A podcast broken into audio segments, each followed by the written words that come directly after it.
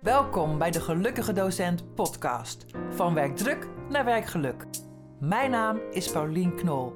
En in deze podcast hoop ik je wekelijks te inspireren met mooie inzichten, persoonlijke verhalen en praktische handvaten om te blijven werken met energie, plezier en bevlogenheid.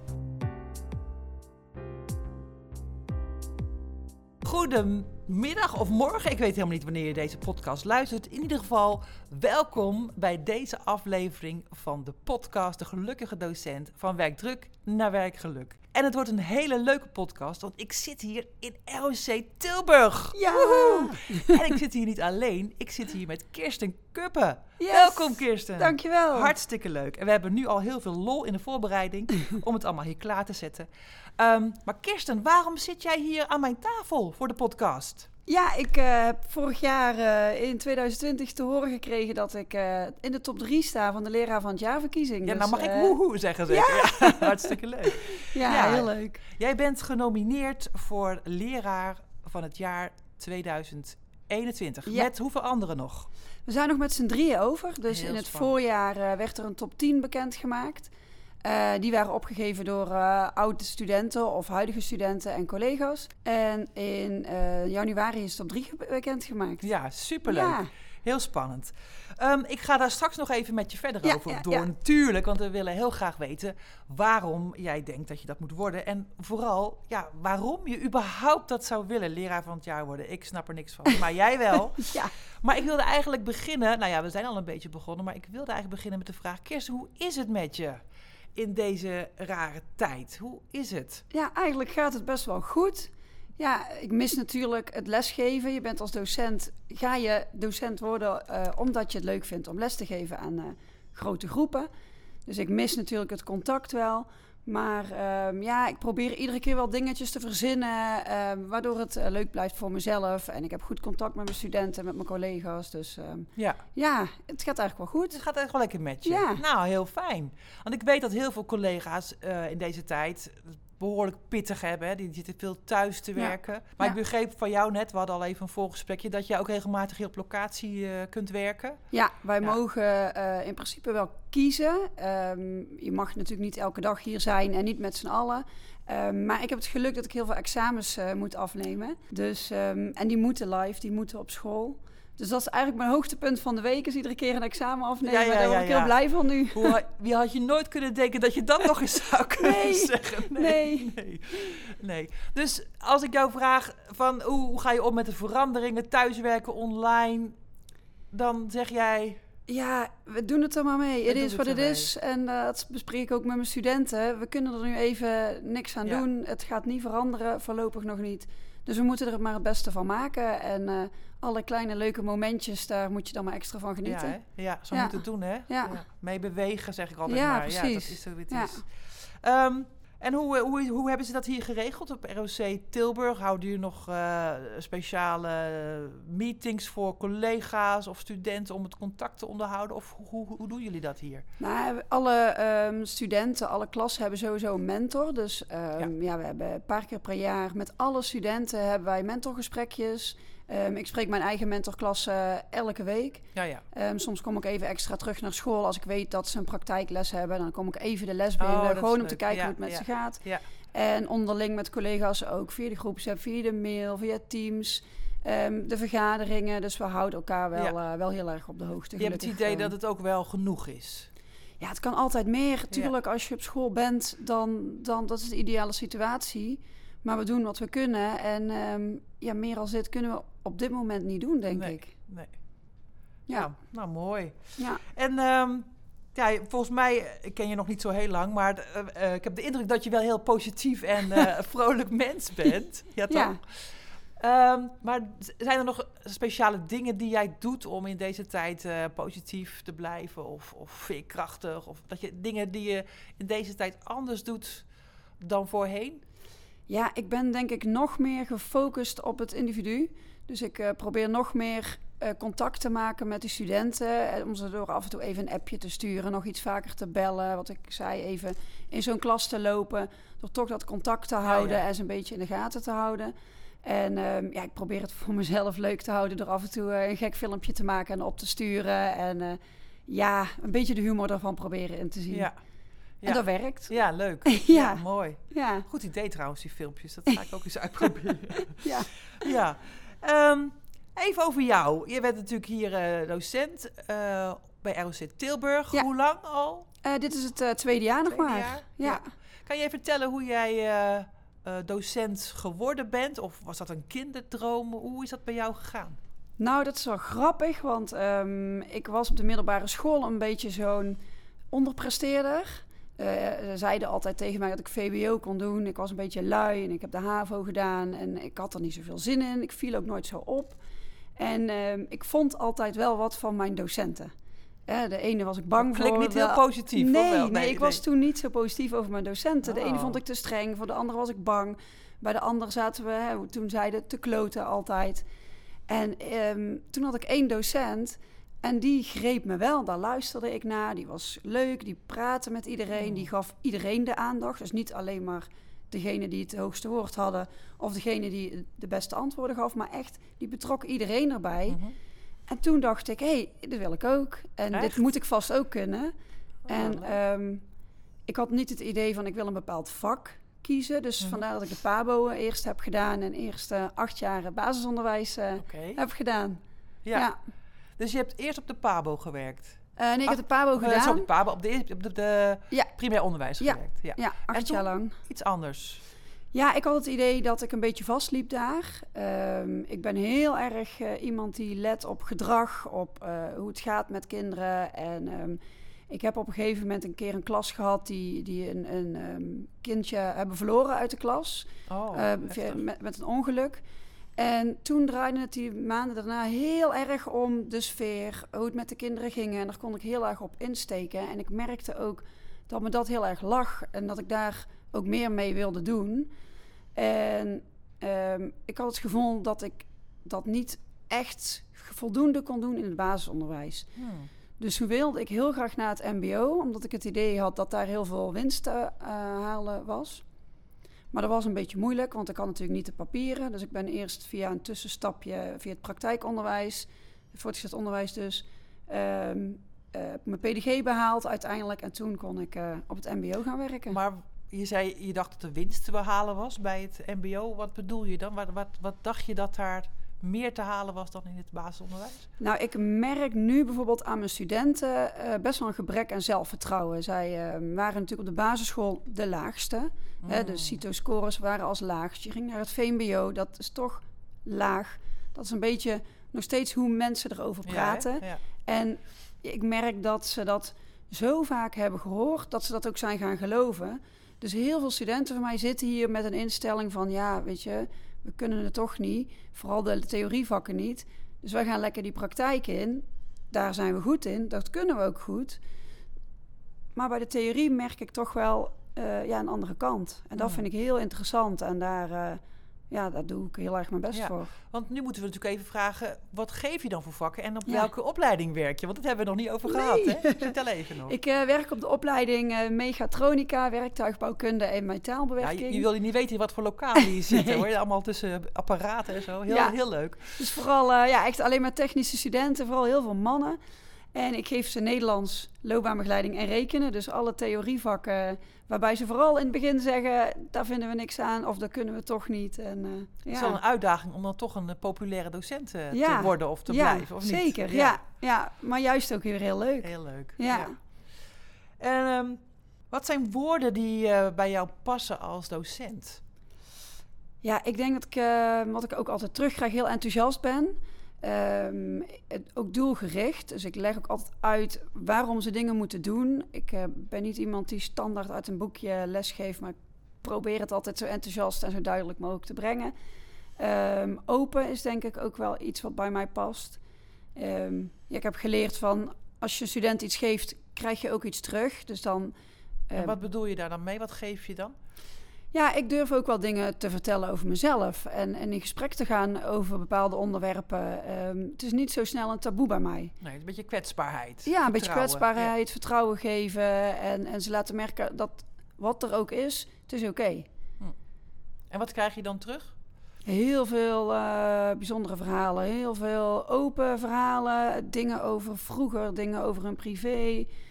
Eh, ja, ik kan het zo gek niet benoemen. Hmm. En vooral nu op dit moment speelt er natuurlijk ook heel veel. En je merkt dat als je dat opengooit in zo'n klas, ja, dan durven ze het ook met elkaar te delen. En dat is wel, eh, ja, dat vind ik echt heel mooi. Dat is mooi, want het Ja. is voornamelijk eh, jongens in de klas, zei Ja. je. hè?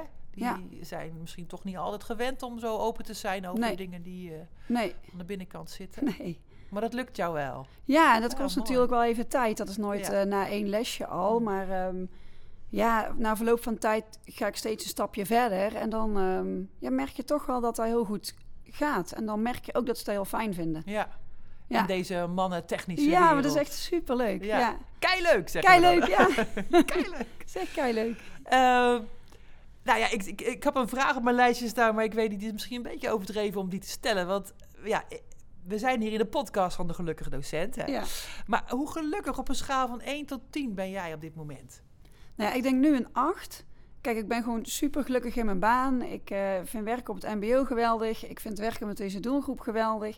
Eh, maar ja, je mist natuurlijk, wat ik net ook zei, Ja. toch dat contact een Ja, beetje. Dus als ik dat weer terug zou krijgen, dan zou ik echt qua werkgeluk op een 10 zitten Zo. of een 9,5.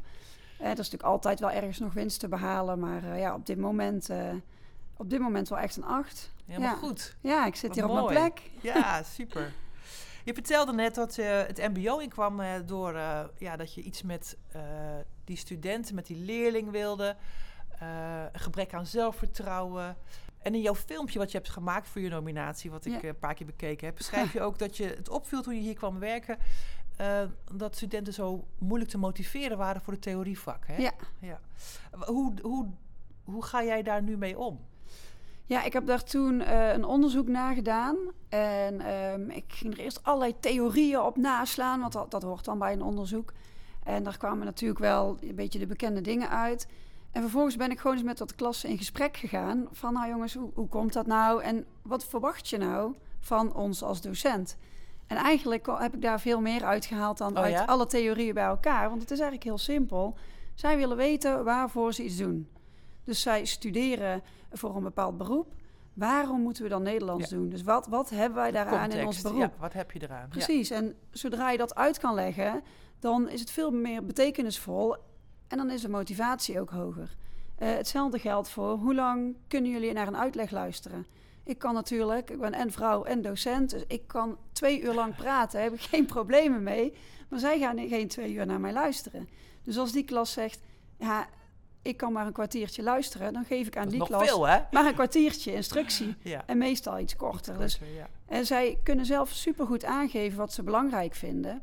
En ik luister daar ook Ik naar. wou net zeggen, want ik hoor je zeggen dat je eigenlijk bent gaan luisteren naar wat die studenten Ja. om zelf eh, te zeggen daarover. Ja, en ook een stukje zelfreflectie. Dus na een paar lessen eh, vraag ik van, wat vonden jullie ervan? Zijn er dingen die anders kunnen? Zijn er dingen die je meer wil of minder? Hoe kan ik jullie het beste helpen? Want uiteindelijk doe ik het voor hun. En krijg je dan ook daar wel eens antwoord op? Ja, zeker. Ja, Ja. we vinden het ook heel fijn ehm, dat ze op die manier serieus genomen worden. Want je kunt natuurlijk wel vragen en iets anders gaan doen. Maar ja, ze merken ook wel dat ik er echt daadwerkelijk iets mee doe. Ja. En ehm, ja, dan krijg je wel, eh, wel leuke feedback. En op een gegeven moment leer je ook wel, ja, als, als één student het niet snapt, dan vindt die student het waarschijnlijk moeilijk. Maar als de hele klas het niet snapt, dan heb ik het blijkbaar toch niet goed uitgelegd. En dan moet ik iets doen aan mijn aanpak. Ja. En ehm, ja, ik denk dat dat echt heel veel scheelt. Ja, mooi. Dus Ja. je gaat echt samen met die studenten zoeken van nou, Ja. hoe kunnen we Ja, het beste jou erbij krijgen en die les eh, geven. ja, en ook met bedrijven. Dus ik eh, ben nu sinds kort BPV-coördinator. Dus ik eh, coördineer alle stages hier op school. En dan ga je ook in contact met bedrijven. En dan vraag ik ze wel eens: hey, op welke momenten gebruiken jullie Nederlands hier op de werkvloer? En geef eens wat ehm, formulieren of geef eens wat tijdschriften die jullie hier gebruiken, die ik dan weer in zo'n les kan gebruiken. Ja. Dus dan wordt het nog meer betekenisvol. Ja. Ja. En wat vinden ze misschien wel een spannende vraag als je zegt in welke manier gebruik je Nederlands? Ja, Dat is niet iets waar je gewoon eh, Nee. door in de dagelijkse werkzaamheden misschien bij stilstaat. nee, hè? maar je merkt juist dat bedrijven dat ook weer heel mooi vinden als je dat vraagt. Want die willen heel graag betrokken zijn bij het onderwijs. En op die manier ja, creëer je die betrokkenheid wat, eh, wat meer. Ja, ja, mooi. Leuk. Ja. Ehm, Zijn er dingen ook in je werk die jou eh, op dit moment, of in het algemeen, dat je denkt, oh, dat, dat zijn wel energievreters of energielekken? Ja, niet in, in relatie met de studenten, maar meer soms op de werkvloer. Ehm, wij docenten, wat ik net ook zei, wij zijn altijd gewend om heel veel te praten. Dus als we allemaal bij elkaar zijn in een vergadering, herken je misschien ook wel, dan wordt er heel veel gepraat. En die vergaderingen duren soms heel lang. Ik denk En, dat er wel ehm, veel collega's zijn als ze luisteren die dit herkennen. Ja, ja, ik denk het ook. ja. Het is een, eh, een veel besproken probleem. En ehm, Te, lang, te lang besproken probleem. te lang besproken nog. probleem. ja. Ja. Ja, en daar heb ik soms wel eens wat moeite mee. En dan, ehm, maar ook daar proberen we weer de humor van in te zien. Ik heb nu dat, eh, dat, dat filmpje of dat plaatje van Mand. Ik weet niet of je die kent. Dus zo'n zo'n meme van iemand die, die iets probeert te vertellen. En die laat op een gegeven moment een mand zien. En zie je onder mand. En dat betekent korter houden. En nu weten mijn collega's als ik dat plaatje laat zien van... Oh ja, shit. We wijken weer uit. We moeten het even inkorten. Ja. En krijg jij dat plaatje zelf ook wel eens? Nee, ja, vandaag toevallig. Ook. Dus ik was ook één keer iets langer. En zei ze, eh, Kirsten, mand. Ik denk, oh ja, shit. Ja, je hebt gelijk. Sorry. Ja, ja, ja. Leuk. Ja. En ehm, wanneer is jouw dag een goede werkdag? En dan mag je hem ook na corona, Ja. gewoon in het algemeen. Ik weet niet hoe dat. of dat Ja, als ik is. gewoon het gevoel heb dat ik iets bereikt heb met die studenten. En dan hoeven ze niet eens te zeggen, maar dat zie je eigenlijk al hoe ze een klas binnenkomen of hoe ze een klas uitgaan. En als ik het gevoel heb dat dat goed zit, dan, eh, ja, dan word ik heel blij van. En, en gewoon de, het persoonlijke contact. Eh, ik merk ook heel vaak dat ze dan een beetje blijven hangen in de klas en een beetje blijven kletsen of nog wat vragen. En eh, ja, ik vind dat superleuk. Ja, dat is wat je motiveert Ja. en, en, en voldoening geeft Ja. om eh, met die Als je student- hier eh, eh, rondloopt en je ziet een klas en ze komen gewoon even aan mij vragen hoe het met me is. Of ze komen even heel trots vertellen dat ze een bepaald cijfer hebben gehaald. Ja, dat, dat vind ik super mooi Ja, om te zien. Ja, Ja. snap ik, snap ik. Ja. Nou, even naar dat, dat andere stuk van jou, die nominatie. Vertel eens, hoe kwam je daar zo bij? Of, of is het je overkomen? Hoe, hoe is dat gegaan? Nou, ik heb die het nominatie voor de leraar van het ja, jaar. hè? Ja, ja. ja, ik heb het ooit wel eens benoemd eh, tegen wat collega's. Van, ik zou dat eigenlijk best wel graag willen. Maar ik weet eigenlijk niet precies ehm, hoe dat in zijn werk gaat. Ik weet dat er op mij gestemd moet worden, maar verder eh, weet ik het niet. En blijkbaar hebben een aantal mensen dat toch wel heel serieus genomen. En ben ik dus door eh, collega's, oud-collega's, studenten en oud-studenten opgegeven. Maar dan moet je me toch even uitleggen. Waarom zou je dat... Nou, wa- waarom? Wat, wat vertel. Wat ben ik helemaal geïnter- geïnteresseerd in. Waarom denk je, ik zou dat wel leuk vinden? Ja, als je wint ben je ambassadeur voor het MBO. En ehm, wat ik heel vaak merk is dat het MBO nog steeds negatief in het nieuws komt. Ehm, dat er ook best wel negatief over gesproken wordt. Toen ik hier ging werken, zeiden heel veel mensen: Wow, durf je dat wel? En dat is wel een uitdaging. Lijkt me heel spannend. Terwijl ik dacht, nou, ik, Wat voor beeld hebben ze Ja, dan? wat hè? hebben ze nou voor beeld ja, hiervan? Ja, En ehm, ja, ik zou gewoon heel graag het, het MBO gewoon wat positiever in beeld willen brengen.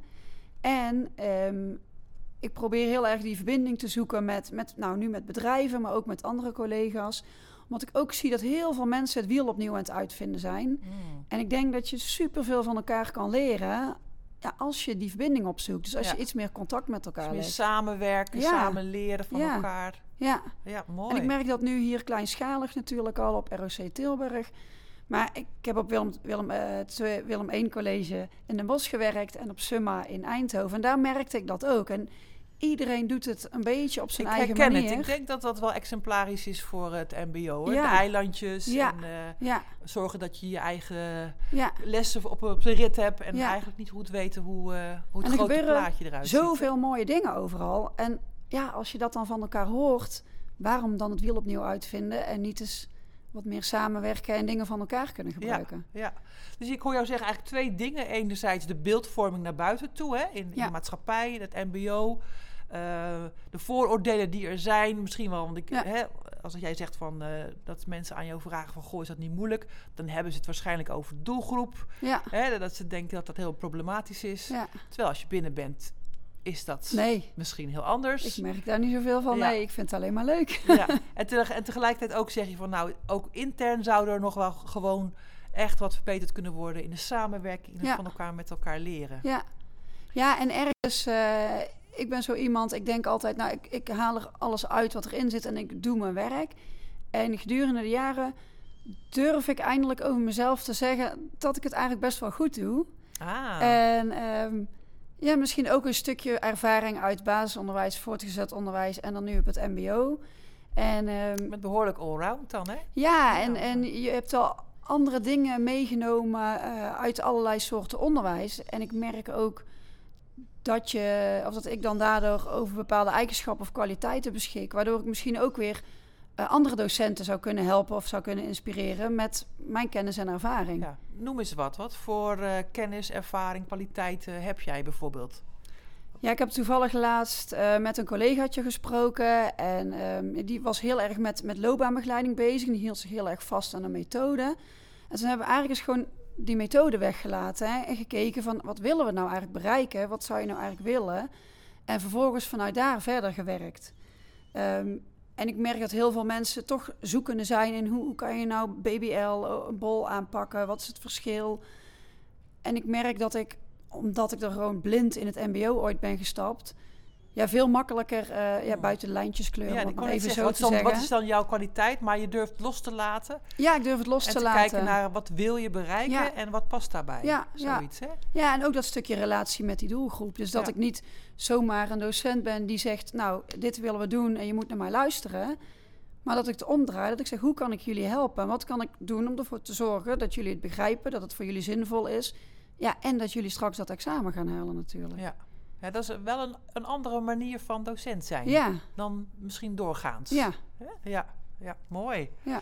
Ehm, in jouw filmpje, een van jouw eh, speerpunten is verbinding. Ik heb het hier ook al genoemd. En in het filmpje eh, leg je dat heel mooi uit. ja. Voor de luisteraars die denken, wat voor filmpje? Ga het even opzoeken. Staat het op YouTube, Kirsten? ja het, staat op, nee, het staat op mijn LinkedIn. Oh, Ja. bij Kirsten Kuppen LinkedIn kan je haar eh, Ja. pitchfilmpje vinden. En daar leg je heel mooi uit, je, je kernthema is verbinding. Hè? Zeker, ja. Op eh, drie vlakken. Vertel er eens wat over. Ja, een beetje wat ik net al heb benoemd. Hè. Dus ik wil de verbinding opzoeken met studenten onderling, eh, met collega's en met de bedrijven. En ik denk eh, dat, ja, dat als je dat alle drie, als je daaraan werkt, dan, dan ga je echt een geweldige mbo-opleiding neerzetten. Ja. En dan bedien je die studenten zo goed en zo zinvol. Ja. Verbinding is ook een heel ehm, mooi, mooi, mooi thema, wou ik zeggen. Maar is ook een pijler van werkgeluk. Ja, Ehm, nou weet ik dat er eh, ook collega's zijn, misschien luisteren die ook, die zeggen, nou, die, die verbinding die voel ik helemaal niet. Eh, niet met mijn collega's niet, niet met mijn opleiding, want, en niet met mijn manager, ik hoor nooit wat, ik zit thuis.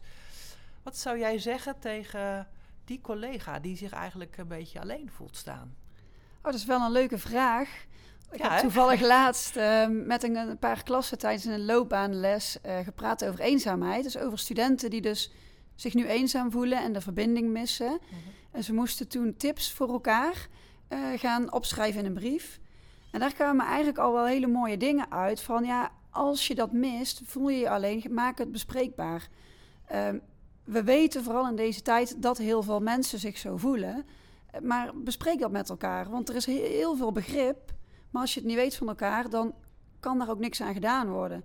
Iedereen heeft begrip voor elkaar, iedereen snapt het, iedereen weet ook dat de een er iets meer last van heeft dan een ander. Maar ja, ga erover in gesprek en, en probeer bijvoorbeeld iets vaker dan toch naar school te gaan op momenten dat het rustig is. Of bel je eh, collega's, je studenten eventjes. Dus zorg ervoor dat je dat contact blijft houden. En ja, wat ik zeg, laat merken hoe het met je gaat. Ja, Ik denk dat dat heel belangrijk is is. een hele mooie tip. Het sluit ook heel erg aan bij hoe ik ja, probeer eh, collega's eh, te bereiken. Omdat ik denk, blijf niet zitten, maar kom in actie. Hè? Ja, dat is precies. eigenlijk wat jij zegt. Ja. Van, eh, ja, laat het toch merken Ja. hoe het met je is. Ja, Want anders dan blijf je misschien wel alleen. ja en ja, anders blijf je in ieder geval zo voelen. Ja, ja zeker. Mooi. Ehm, jij bent trots op het mbo. Ja, Ja. Eh, wat vind je dan zo geweldig? Je hebt al heel veel dingen genoemd, maar noem eens een, een paar dingen op waar je echt trots op bent. nou, ik vind het vooral heel bijzonder dat ik er steeds meer achter kom dat de studenten allemaal een verhaal hebben. Ze komen allemaal ergens vandaan, maar ze hebben bewust gekozen voor een praktische opleiding. Dus ze zijn al best wel vroeg zijn ze erachter gekomen wat hun kwaliteiten zijn. Nou, ik denk dat heel veel mensen dat, eh, ik ben nu 37, dat heel veel mensen dat op mijn leeftijd nog steeds niet weten. En ergens zijn zij daar dus al achter gekomen door Ja. heel bewust zo'n beroep te kiezen. Eh, Bij mij ook nog eens heel fijn dat de baangarantie natuurlijk ontzettend hoog is. En wij zijn daar al heel erg op gefocust. En ik vind dat kritische stukje vind ik ook heel leuk. Ik vind het wel mooi dat ze tegen mij zeggen: hoezo moet ik Nederlands doen? Waar hebben ze daarvoor nodig? Dan laat wel zien dat zij goed nadenken over waar ze mee bezig zijn. En ik vind dat heel mooi. En ze zijn heel praktisch dan, hè? Heel praktisch, Als het ja. nodig is, dan doen we Precies. het niet. Ja, Ja, ja, en ik snap het wel. Ja, ja, dat is ook heel mooi. Ja. Mooi. Ehm, nog even terug over die verbinding, hè? Want je zegt het tussen collega's, de student en, eh, en, en het werk, het werkveld. Eh, hoe doen jullie dat met collega's eh, in jullie team? Zijn jullie met verbinding bezig? Of hoe doe jij dat? Speel je daar een rol in? Nou, vond ik in het begin een beetje moeilijk, want we zijn nu hier met twee collega's Nederlands. En ik ben in mijn eentje voor eh, loopbaanbegeleiding. Dus ik ben eigenlijk voor loopbaanbegeleiding een eilandje. Ja, ja, ja. Dus toen ben ik eigenlijk bij andere techniekopleidingen gaan kijken wie nog meer die vakken geeft. En eh, ja, daar kom je natuurlijk vrij snel achter. En op basis daarvan hebben we een soort van werkgroepen gemaakt. Waarbij we één keer in de zoveel tijd overleggen en sparren. En ehm, ja, nu zijn we ook aan het kijken. Eh, hoe, wat kunnen we ontwikkelen? Eh, hoe doe jij het? Wat kunnen we van elkaar leren? Wat gaan we volgend jaar doen? Dus we gaan ook proberen om daar een lijn in te trekken. ja. Zodat we een beetje hetzelfde gaan doen. En ja, ook van elkaar leren. Ja, dus jij, jij hebt ook weer het initiatief genomen, zeg je zelf. Ja, En ook even af, opleidingsoverschrijdend eh, ja precies. gaan kijken. wat Ja, en je merkt is. dan weer hoe andere, dingen, hoe andere mensen dingen aanpakken. Ja, daar leer ik ook weer van. Ja. En zo eh, ja, helpen we elkaar gewoon Ja. om de lessen nog beter te maken. Mooi. Ja, dat is heel fijn. Ja. Ehm, nou, we zijn al heel lekker op dreef, jongen. We moeten al bijna weer naar de laatste vragen gaan. Eh, ik heb nog één vraag en dan heb ik nog een aantal wondervragen voor je als Oké. afsluitertje. Stel dat jij gekozen wordt. Ja, Hoe ziet 2020 er dan voor jou uit? ja, Ja, dat is een moeilijke vraag, al, maar ja, daar heb ik echt al wel een, tij- eh, een tijdje over na zitten denken. Van wat zou dat dan precies betekenen? Hè? Want eh, dat weet je niet precies. Maar ik hoop echt dat ik... ehm, word je heel vaak gevraagd voor interviews en zo. Ja, misschien wel. En ik hoop, dat hoop ik ook. En eh, dat je dan toch wel wat media-aandacht krijgt. En eh, dat ik mijn enthousiasme dan kan delen. En, en dat mensen dus iets positiefs zien. Ehm, ik zou het ook heel leuk vinden om filmpjes te maken in samenwerking met mensen. En die online te knallen voor nog meer positieve aandacht. Maar ja, ik zou ook nog steeds die verbinding willen zoeken. Dus met nog meer studenten in gesprek willen gaan. Met nog meer docenten. Eh, misschien wel met het ministerie. Eh, grappig weetje is dat ik een ehm, tijdje geleden kwam iemand eh, in mijn les meekijken van het ministerie van Onderwijs. Maar ze had zelf geen onderwijservaring. Dus die moet beleid maken over onderwijs, terwijl ze zelf geen onderwijservaring heeft. Ja, Ja, en vond het vast geen, geweldig. dat is vast geen unicum. Maar, nee, maar ik vond het wel super dat zij dus het initiatief nam om een paar lessen mee te kijken. En ja, dat lijkt me ook heel leuk om daar de verbinding weer in te zoeken. Dus echt, ehm, en, en ik denk dat als je dus wint, dan, dan is die stap kleiner. Dan is Ja, het veel makkelijker het om daar overal binnen te Ja, komen. ja. En dat zou mij helpen eh, ja, om dat te kunnen bereiken. Ik zou het heel graag willen. Nou, dat is duidelijk. Ja. Dat is duidelijk. Nog even wachten. Het was Ja. in, in het eind van het jaar, geloof ik. Hè? Ja. Dus december. Dat duurt nog heel lang. Nog heel lang geduld. Oké, de wondervraag. ja. Stel, je krijgt 10.000 euro voor jouw team. Jij Ja. krijgt het, maar je mag het niet aan jezelf besteden, helaas. Eh, maar je mag het besteden aan iets voor je team om de verbinding te vergroten, om het geluk te vergroten. Om... Oeh. Waar zou je het dan uitgeven? 10.000 Nou, deze euro. vraag is niet voorbereid. eh, Nee, die is zeker Dus, niet eh, daar- Daar voorbereid. moeten we een keer snel even over nadenken. Ja, ook daar, ik zou dus eerst eens met studenten in gesprek gaan. Ja, Want- aan je team, hè? ja, maar ik wil het dan eigenlijk eerder uitgeven aan iets wat dan nuttig zou zijn Ah, voor mijn studenten. Ehm, dus ik zou eerder in gesprek gaan met mijn studenten van jongens, dit is nu een bedrag, wat willen jullie? En ik heb wel vermoeden dat zij dan zeggen, ja, we willen bepaalde apparaten om mee te werken. Om, we hebben nu natuurlijk superveel praktijkruimtes hier. En ehm, ja, ik denk dat je die nog praktischer kan inzetten. En ik denk dat het ook heel tof zou zijn als je de theorielessen in de praktijk kan gaan geven. Dus dat je als docent de mogelijkheid krijgt om bijvoorbeeld bij bedrijven daar de lessen te geven om het nog praktischer te maken. Ja, En met wat ja, extra financiën krijg je daar natuurlijk de ruimte in.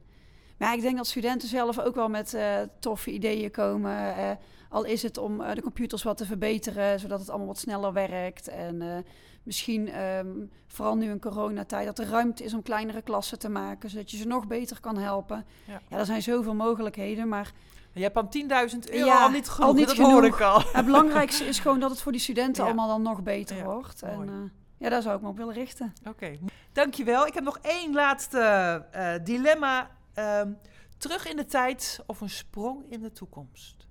Oeh, dat is een moeilijke. Ehm, ja, ik denk dat ik dan wel een sprong in de toekomst wil doen. Gewoon om te kijken, waar staan we dan? Welke ontwikkelingen hebben we dan doorgemaakt? En dan die ontwikkelingen meenemen naar nu en dat dan nu al in te zetten. Ja, nou, een prachtige afsluiting, Kirsten. Superleuk. Hartelijk dank voor dit Ja. leuke gesprek. Ik wens je veel succes. En Dankjewel. eh, dat er nog maar veel mooie interviews mogen volgen. Ja, En eh, nou, beste luisteraar, als je Kirsten wil volgen en je denkt dat is een leuke dame, daar wil ik op stemmen. Hoe kunnen ze jou, eh, op jou stemmen, Kirsten? Ja stemmen kan niet meer. Dus Oh, er dat is nu een eh, vakjury die gaat Oh, beslissen. Dus geen invloed meer. Nee, nee, geen invloed meer. Dus ehm, ja, ik hoop eh, dat Hoop de vakjury, eh, vakjury dit overtuigd is. Ja, precies. Oh, ik dacht, er kunnen nog iets eh, mensen Nee, doen. Dat kan niet meer. Oké. Oké, hartelijk dank, ik had al gezegd. En ik vond het superleuk om hier te zijn. Ik ook. En eh, wie weet komen we elkaar weer eh, op een ander moment tegen. Ja, helemaal goed. Dankjewel. Dankjewel voor het luisteren naar deze podcast. Ik hoop dat het jou geïnspireerd heeft. Als je nog niet geabonneerd bent, doe dat even. En laat ook een review achter. Dan weet ik wat je ervan vond. Tot de volgende keer.